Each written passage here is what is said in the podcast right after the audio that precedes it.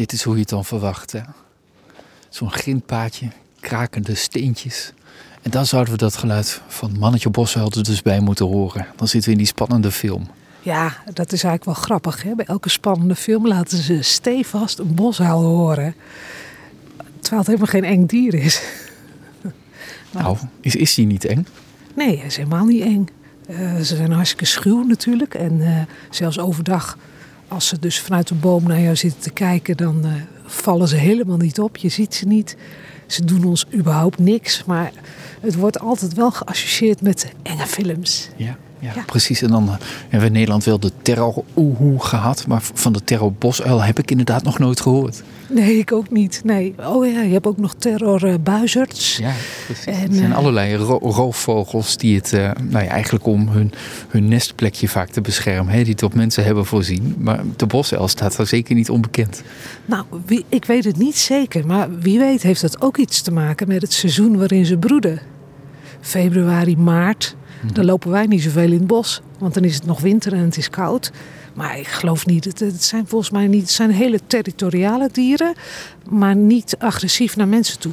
Nee. nee. De oehoe noemde ik net even. Dat is verreweg de grootste uil die we hebben. Als je dat lijstje, want je hebt nog de randsuil en de kerkuil en de steenuil. Qua grootte, waar hoort de bosuil dan? Op welke plek? Uh, na de oehoe is de bosuil de grootste. En vervolgens krijg je de velduil. Die komt niet zo heel veel voor. Dan denk ik de ransuil, kerkuil, steenuiltje. Ja, het steenuiltje. Dat is echt een kleintje, hè? Ja, heel leuk, heel leuk klein uiltje, ja. ja. En later uh, dit seizoen krijgen de bosuilen dus jongen. Ehm, hoe gaat hoeveel jongen worden er bijvoorbeeld geboren, weet je dat? Nou, dat ligt aan, uh, aan het voedselaanbod. En uh, het ligt deels aan het voedselaanbod hoeveel eieren ze krijgen, maar ook hoeveel eruit komen en vervolgens hoeveel er groot worden.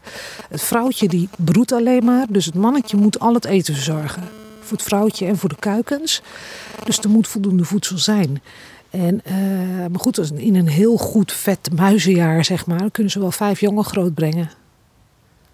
Dat klinkt uh, best, als best veel. Dus daar een redelijk aantal groot van wordt, zou je denken, het moet eigenlijk wel goed gaan met, met de bosuil in ons land. Ja, in principe wel. Het gaat ook, gaat ook goed. We hebben ongeveer uh, landelijk gezien 5000 broedparen. Mm -hmm. Dus dat is best wel veel.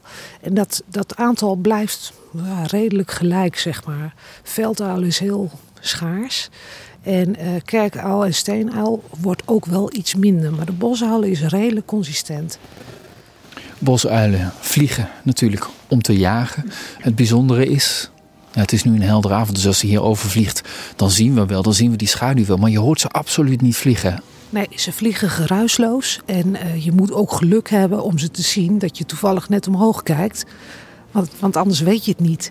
En uh, ze zijn vrij groot, maar ze kunnen uh, door speciale veertjes die op aan het einde van hun veertoppen zitten, zeg maar hele kleine donsveertjes, kunnen ze echt geruisloos vliegen. Ja, we hebben goed geluisterd. We hebben de tijd genomen. Maar ze zijn ons niet goed gezind, in ieder geval de boszuilen. We gaan ze niet horen, denk ik. Hè? Ik denk het niet. Maar ja, je weet het nooit. We kunnen hier misschien nog uren blijven staan. En... Maar je moet soms geluk hebben. Dat is het ook. En dat moet er ook niet altijd zijn. Want dan is het geen natuur meer, dan is het het dierentuin. En dat willen we ook niet.